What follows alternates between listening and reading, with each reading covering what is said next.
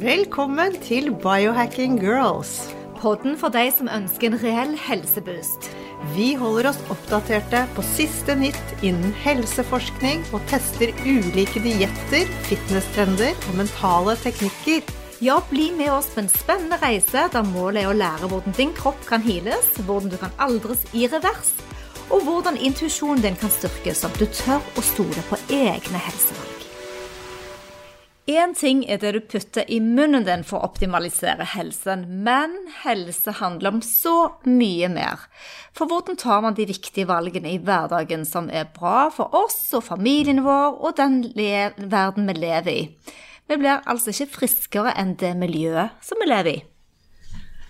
I dag har vi med oss Elisabeth og Anette. De er søstre og gründeren bak den bærekraftige nettbutikken ohyes.no.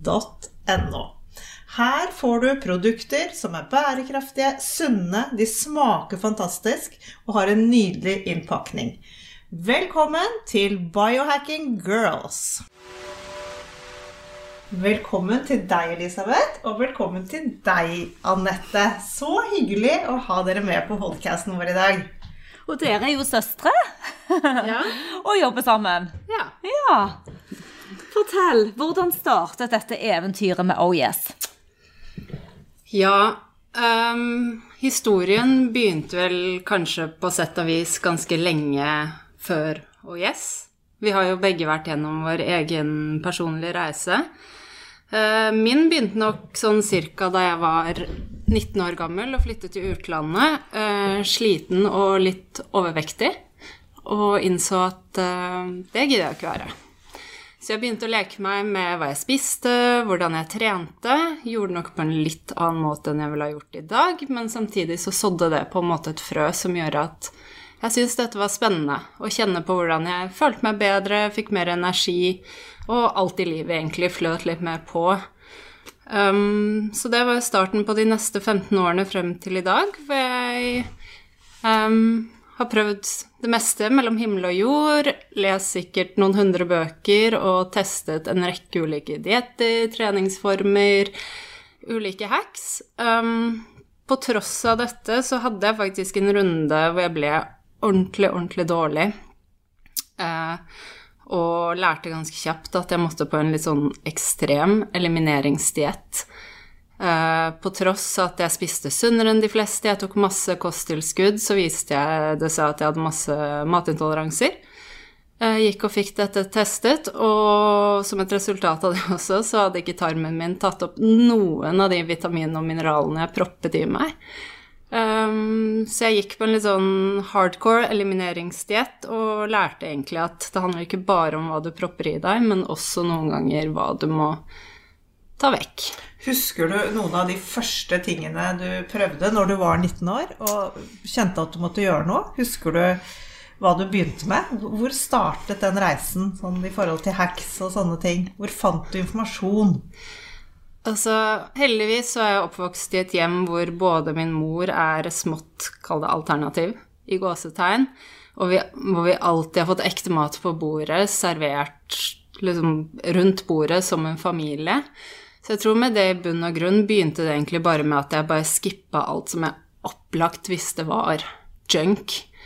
Uh, og spiste at the time da, tre solide måltider med ting jeg i hvert fall opplevde var tålelig sunt, men først og fremst ekte mat.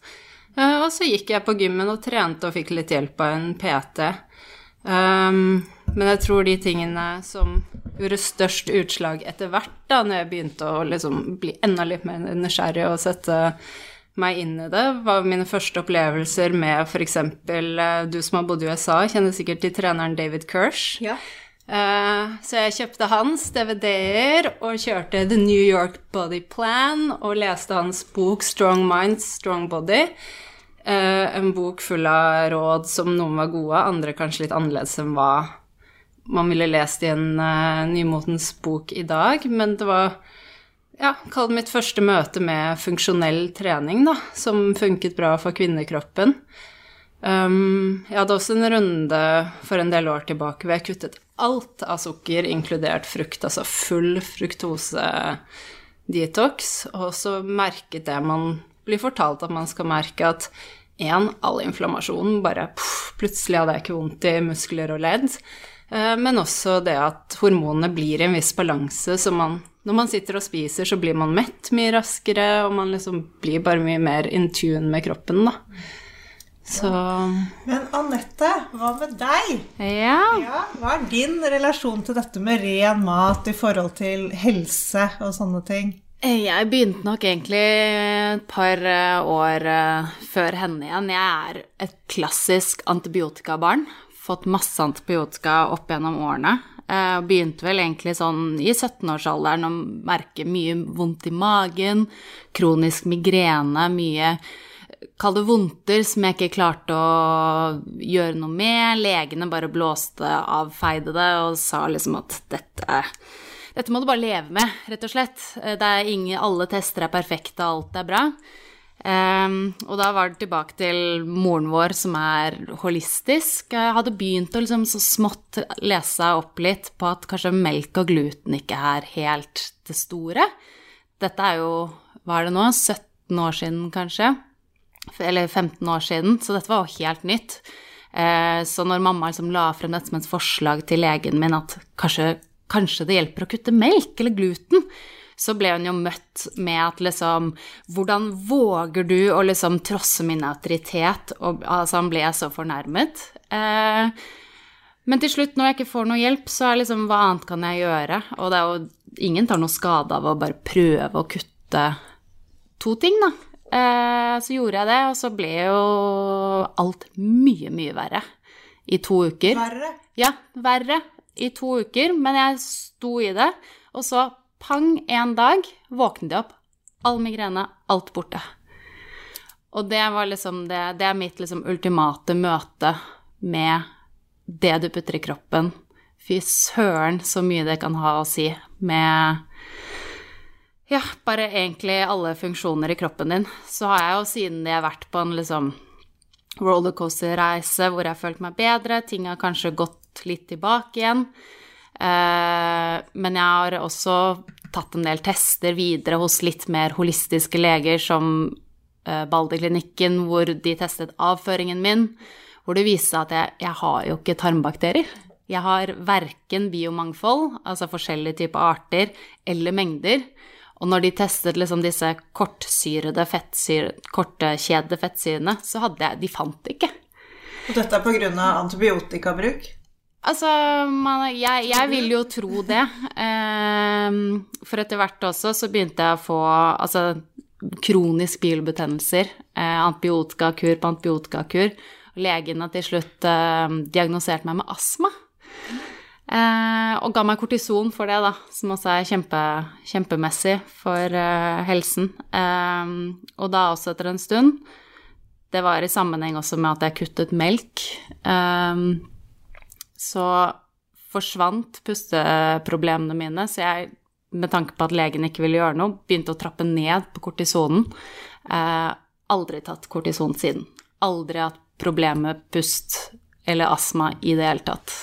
Men du, jeg kjenner meg så godt igjen i det, for jeg hadde òg kronisk eh, bihulebetennelse, og jeg tipper det omtrent samtidig, sånn ja, kanskje en 18-19 år siden, og fikk den ene kuren etter den andre, og endte til slutt med å måtte gå på en heftig candida-kur, og heldigvis var jeg såpass oppegående selv og kunne klare å fikse det, men det er jo fryktelig å tenke på at man stoler på leger som har lyst eh, til å dominere med det ene synet man har, liksom. Men hvor provosert blir du selv når du sitter og tenker på historien tilbake nå? Eller hva vil du si til lytterne våre? Det er sikkert mange som kjenner seg igjen i dette. Altså, det Man må jo alltid Altså sånn, jeg tenker Noe av det viktigste er at man kan bli kjent med sin egen kropp, og ikke være redd til å lytte til sin egen kropp. Fordi det er så lett å bare stole på fagfolk eller den type ting, men in the end så handler det om at du skal føle deg bra. Eh, så altså, hvis du kunne tatt en placebo-pille for et eller annet, og det hadde gjort underverk for deg, så fins det jo ikke noe bedre medisin enn det så lenge du føler deg bra. Eh, Så hvis du klarer å eksperimentere og bli litt kjent med din egen kropp, så vil du også fort oppdage hva som gir energi og næring, og hva som tar vekk energi, f.eks. Um, så Eh, man blir jo provis provosert, så klart, eh, men så må man da liksom ikke Man må ikke nøye seg med godt nok. Fordi hvis du vet og lærer å kjenne deg selv, og vet at ditt 100% er her oppe, hvorfor skal du bare akseptere og godta at du hele tiden skal leve resten av livet ditt på 50 fordi det er så mye du kan gjøre selv ved å bare kjenne på kroppen. Det er helt riktig. Det er der folk har litt problemer, ikke sant. Så det er utrolig bra budskap å komme med. Jeg tror det som er litt interessant her også, er at eh, sånn som du sa, at ditt symptom var astma, og veldig mange tenker ok, mat, mage. Eh, men jeg har jo ikke vondt i magen, sier folk når jeg spør kanskje du skal prøve å eliminere noe. Og det var samme for meg at jeg gikk fra å være i helt sinnssykt form. Altså, jeg kunne ligge og cruise i 16 km i timen på tredemøllen, no worries, til å ikke kunne gå opp en trapp uten å bli andpusten, og jeg fikk brain fog, men, men aldri vondt i magen. Og det var aldri noe problem med avføringen min heller. Den har vært regelmessig så lenge jeg kan huske. Eh, så man skal liksom huske på at enten det er vondt i ledd, migrene, astma whatever. Det som er så vanskelig, men også interessant med dette, er at hva din greie er, kan være helt individuelt, og måten det manifesterer seg og spiller ut i form av symptomer, er også individuelt. Og det er kanskje det også som gjør det nesten umulig for tradisjonelle leger å deale med, fordi det er bare ikke sånn de har lært å jobbe. Um, så det er liksom ikke legen og enkeltpersonene det nødvendigvis er noe galt med, men kanskje heller systemet, da, som ikke tar en helt helhetlig approach, og måten legestudiet er lagt opp i dag, da. Ja, helt klart. Det er jo selvfølgelig Dette er jo en balanse mellom mange faktorer. Så Men nå har vi jo heldigvis ja. fått flere og flere som jobber funksjonelt og med mm. hele kroppen, så vi har, har et alternativ. Mm. Men dere jenter, oh yes! Ja. Når startet, oh, yes. når startet ja, dette? Dette er så spennende. Ja. Fortell. Ja. ja. Når startet det? Hvorfor? Altså, jeg tror jo det er den historien vi har gått gjennom som på en måte gjorde at vi ble supergeeks på alt som har med mat og helse å gjøre. Eh, litt sånn som dere, så er det bare sånn åh, Whole Foods, alle de kule tingene de har. Og når man Vi har begge bodd i utlandet, vi har reist mye, og du ser hva som fins, og så kommer man hjem til Norge, og så er det litt sånn Ja, alt er veldig dominert av det du finner i hyllene på helsekosten, og det oppleves kanskje som litt alternativ. Og så tenkte vi ok, men vi vil jo ha et større mangfold av produkter som er ikke bare bra for helsen, men så bra for planeten, men som bare smaker sykt digg, eller oppleves som luksuriøst og fresh, og hvor kvaliteten også er like bra, da. Ok, give, give us something. Hva har dere for noe? Oh, uh, målet vårt er jo egentlig at the end of the day å tilby alt innenfor wellness. Um, som er bra for kroppen, bra for planeten, uten kompromiss på kvalitet eller um, innpakning, da. Det skal på en måte tick all the boxes. Vi begynte jo egentlig som en distributør av matvarer, fordi det var det som var på en måte nærmest hjertet vårt. Uh, og da begynte vi med raw vegansk sjokolade, uh, veganske naturlige glutenfrie bars og plastfri sjokolade. Men etter hvert som vi også utviklet nettbutikken, uh, så begynte vi å ta inn hudpleie, velvære og hygieneprodukter. Uh, what else? Dere har tyggis og tannkrem, f.eks. Jeg må bare si det at jeg har prøvd både tyggisen og tannkremen. Og det, man må jo på en måte lære seg en ny måte å tygge tyggis på og pusse tennene på. For det mm. skummer ikke, du har ikke alle disse ja, stabilisatorene og, og, de kunstige tingene. Men fy søren så godt den smaker! ja. Så det er jo det det handler om, å finne de produsentene. Heldigvis, i hvert fall litt mer globalt, så har dette med økologisk sunn og ren mat blitt litt mer big business. Eh, så det betyr at det fins kule produsenter der ute som lager kule produkter som både holder en ekstremt høy standard, men også har brandingen på plass og får den der investeringsbackingen som de trenger for å vokse og bli store brands, da. Ja, men jeg trenger bare å si òg til lytterne at fordi det er litt viktig når du skal prøve å finne en clean lifestyle, at du tenker litt nytt òg. At du ikke bare forventer det du er vant til. At du må på en måte omstille deg litt, for vi har jo et ansvar på mange plan her. For å gjøre en stor big change, ikke sant? Ikke sant. Um, og på ett plan så ønsker vi å inspirere og lære våre kunder om hvorfor dette er viktig, uh, hva man skal se etter. Uh, men på den andre siden så tenker vi at det vil alltid være en ganske stor målgruppe der ute.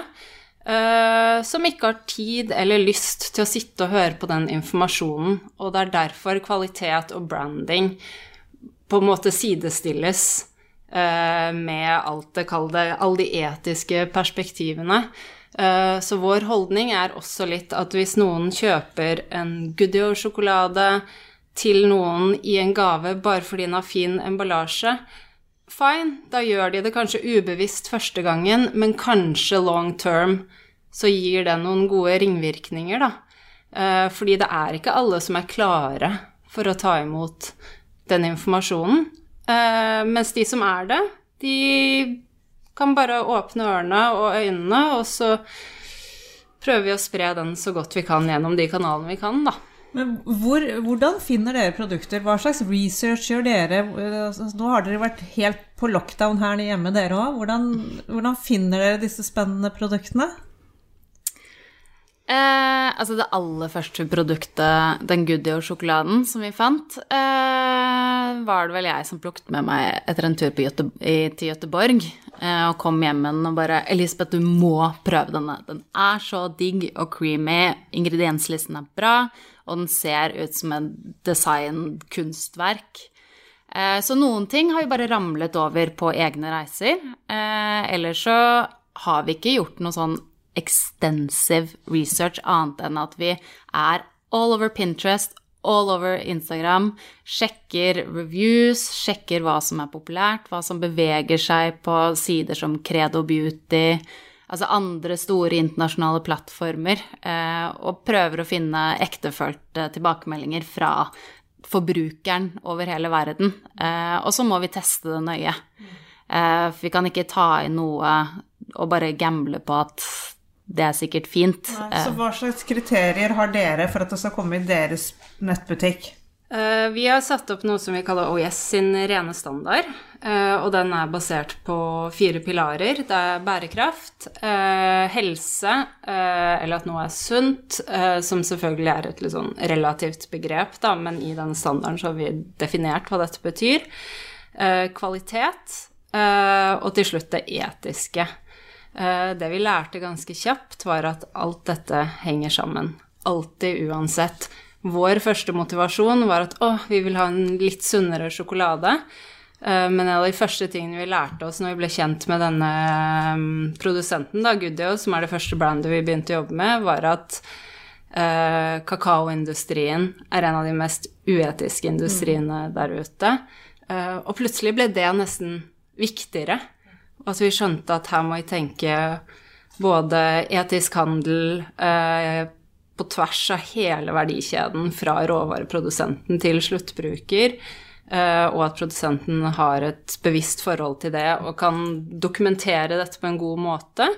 At de helst bruker økologiske råvarer hvis det er mulig. Det er ikke alltid det er mulig. Eh, men da stiller vi i hvert fall spørsmålet hvorfor er det ikke mulig. Eh, og så at de har tatt også et bevisst eh, forhold til hvordan de driver sin egen bedrift, hva slags mennesker de ansetter, eh, hva slags emballasje de har valgt. Altså listen er lang, da.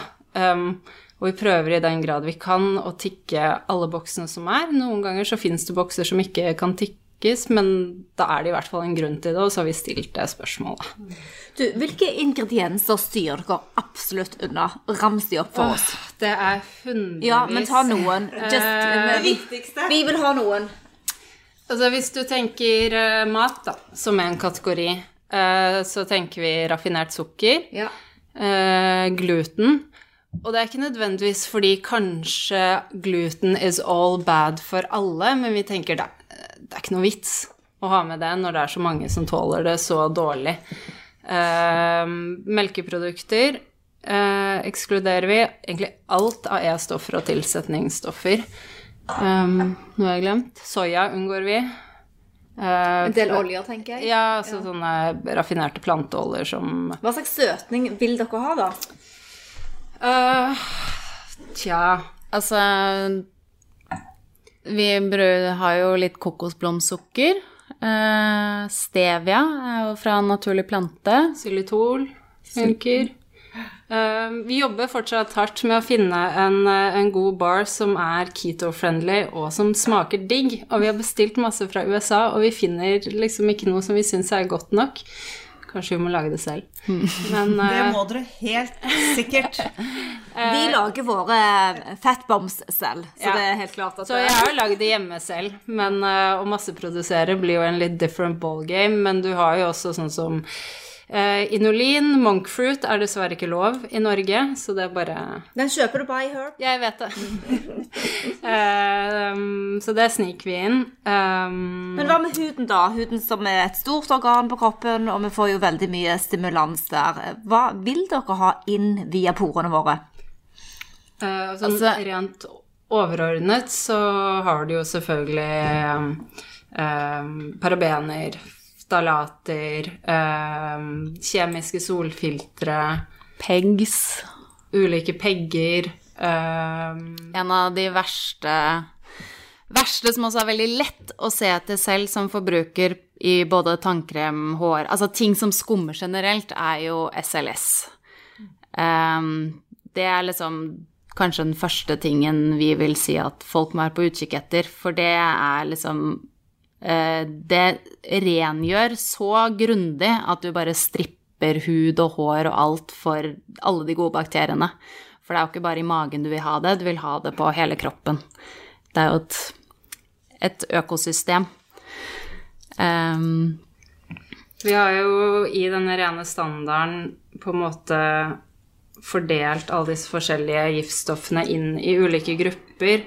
Eh, Så enten de er kreftfremkallende, hormonforstyrrende, miljøskadelige, helseskadelige eller allergifremkallende, så diskriminerer vi det. Eh, Og den komplette listen over disse tingene er Altså det er 100 forskjellige ting tatt ned på detaljnivå. Eh, Så det betyr at når eh, lytterne våre har lyst til å gå inn på ohyes.no og kjøpe produkter, så kan de være trygge på at dere har ivaretatt helseaspektet.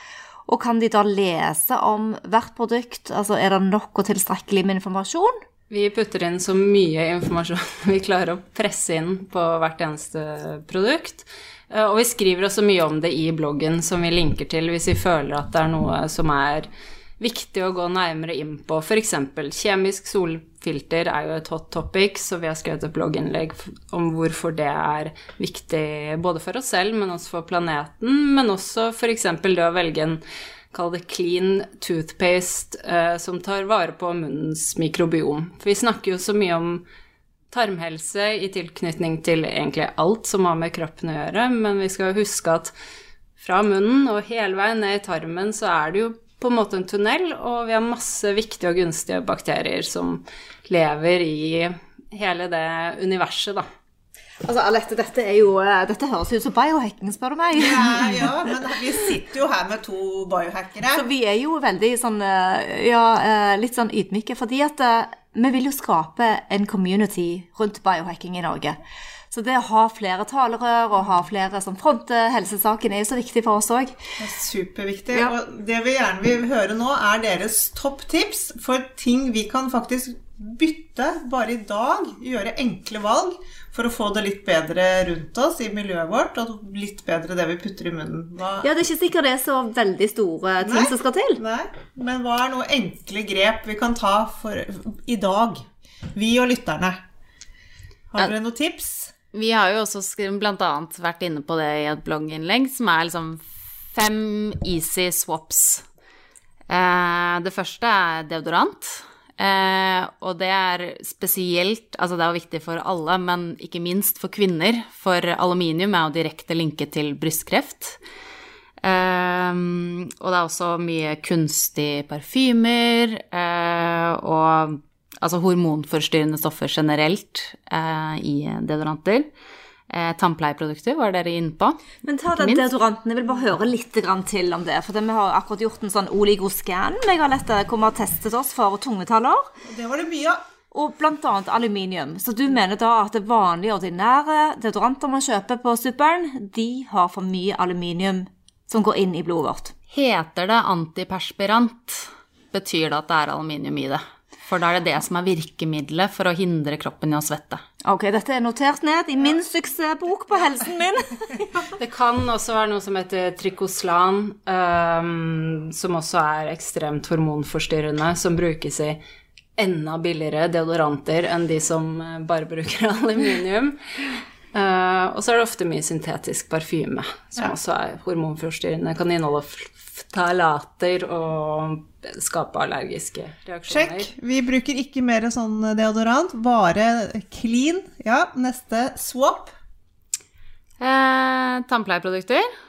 Én ting er jo fluor, eh, men du har denne SLS-en som jeg pratet om. Eh, også mye altså kunstige smaker og rare ingredienser. Du kan jo utdype litt. Ja, munnskyld blant annet har jo også ofte også denne trikoslanen, men også alkohol i seg. Uh, som for det første bare wiper ut alle de gode bakteriene. Og det folk ikke tenker på, er at å, jeg har dårlig ånde, da må jeg liksom bare drepe alle bakteriene. Men grunnen til at man får dårlig ånde, er ikke fordi man har øh, bakterier man må drepe, det er jo fordi balansen er helt off. Eh, Så hvis du tar litt bedre vare på munnens mikrobiom, så får du bedre balanse. Du får sunnere tenner, men som en bonus så får du digg ånde også. Og det, det vil vi ha. Det vil vi ha.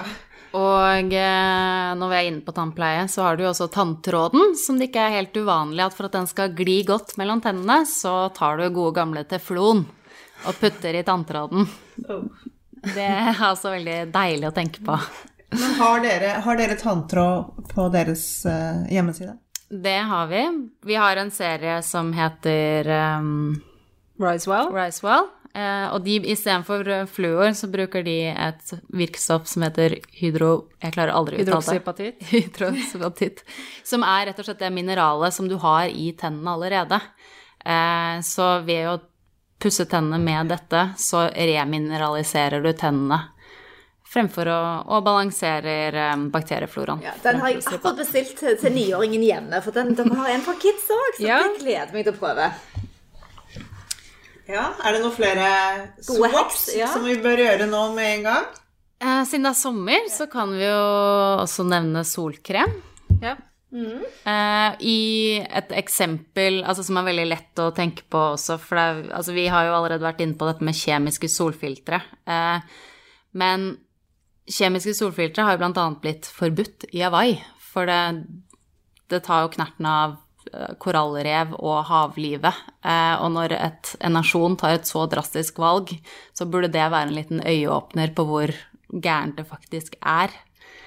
Da må jeg bare skyte inn, for det har jeg oppdaget. For jeg er ganske ofte på Hawaii når ikke det er pandemi. Og på stranden der så er alle helt kritthvite. For de har sånne kremer med sånn, eh, sånn, ja, sånn hvitt Mineral. mineral. Ja. Altså, jeg har doktor Joseph Mercolas solkrem. Den blir du òg veldig hvit av. Ja. Det er ikke like Men for det har jeg nemlig lagt merke til der, at folk er, ser, ser gærne ut på stranden.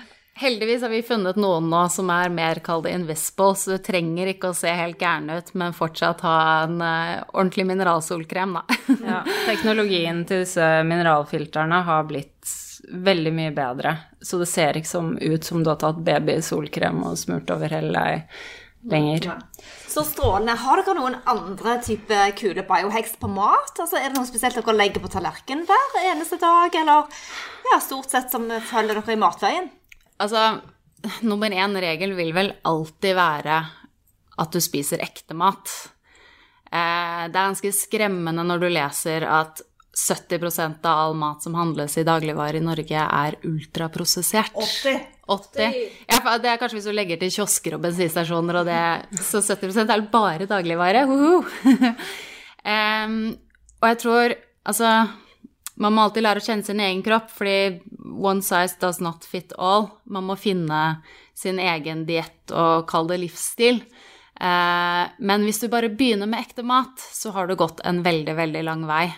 Lag det selv, bruk ekte råvarer. Det er jo på en måte klisjé å si at hvis bestemoren din ikke hadde spist det, så burde ikke du heller spist det, men det er, det er sant. Eh, og bare gjøre det til en vane å begynne å lese på baksiden av pakken når du er i butikken. Eh, jo færre ingredienser, jo bedre. Og i sin naturlige form, jo bedre. Hva med deg, Elisabeth? Har du noe spesielt du putter på tallerkenen din som du syns du kan anbefale oss? Jeg er nok egentlig ganske enig med Anette. Noen ganger så kan man uh, ha godt av å eliminere ting, og noen ganger kan man ha godt av å tilføre ting, og det må man på en måte finne ut av. Men hvis du begynner i hvert fall med å spise mest ekte mat som er avlet frem på en så etisk uh, måte som mulig. For når vi sier ekte mat, så tenker man ok, kjøtt, ja, whatever, men forskjellen på næringen i f.eks. grass-fed uh, beef, som er superrikt på uh, omega-3, fremfor konvensjonell biff som er proppfull av soya og kraftfôr, er jo enorm. Så hvis man har mulighet til å både velge økologisk eller grasfòret og bare sjekke at dyrene har hatt et ganske greit liv med god plass, hvor de får lov å gå ute og spise det de intuitivt vil spise selv, da kommer man langt, vil jeg si. Uh, og det er mange som sier at 'å, men økologisk er så dyrt', og 'det fins ikke så mye økologisk i butikken min'. Dessverre er det slik at eh, økologisk, bønder som velger å legge om til økologisk, blir ikke belønnet for det av staten. De blir ikke subsidiert. Tvert imot, for noen så kan det bli desto vanskeligere. Eh, så det er på en måte opp til oss som konsumenter, da, å ta de valgene eh, og gjøre at etterspørselen øker. Hvis ikke så kommer ikke tilgangen til å øke, og prisene kommer ikke til å bli noe lavere. Uh, heldigvis da så har man sånn som Kolonihagen som har partnera opp med Rema og veldig gjør det ja. veldig mye mer tilgjengelig til en god pris, da. Så, mm.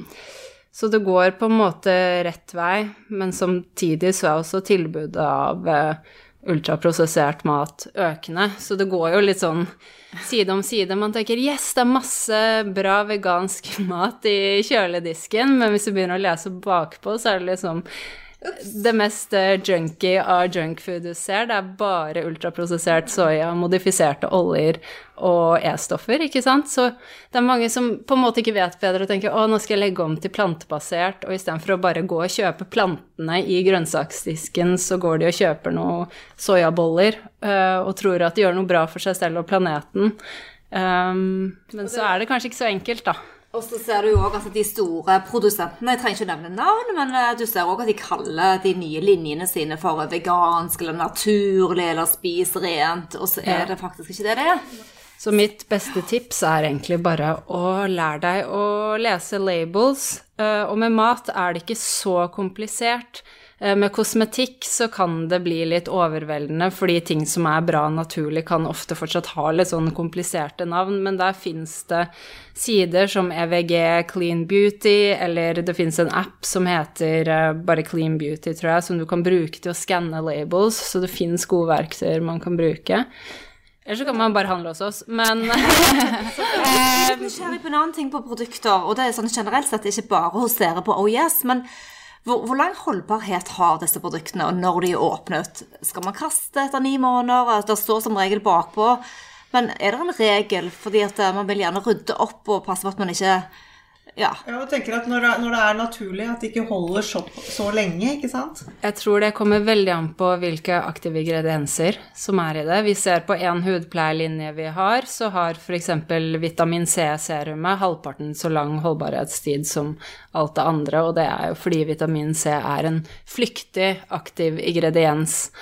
Um, så jeg har ikke noe sånn svart på hvitt-svar der. Ehm, det er nok noen regler i forhold til merking der, eh, så det må man egentlig bare se fra produsent til produsent. Eh, og en god baseolje som ikke er tilsatt veldig mye, vil jo holde i evigheter hvis du bare ikke oppbevarer den dødsvarmt midt i solen, på en måte.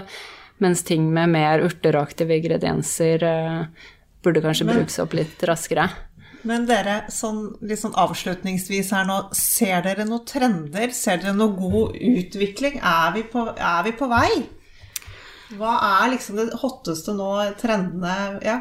Altså, det som i hvert fall jeg, jeg tror du også har begynt å nerde litt på det i det, det, det siste, eh, er jo topicen om kvinnehelse. Vi er jo kvinner selv, men vi lever jo i vår egen syklus. Og veldig mye forskning og biohacks og alt mulig rart er jo gjort på menn. Så hvordan oppfører kvinnekroppen seg i det hele? Eh, vi har både en circadian rhythm og en hormonell rytme. Um, så vi følger jo veldig mye med på hva som skjer rundt forskningen der, og ser jo at på en måte Og begynt å føle litt mer på egen kropp. Uh, vi også har en sånn whoop-armstropp, uh, og følger litt med på hvordan, uh, hvordan vår recovery er gjennom syklusen, for å se um, hvordan ting beveger seg.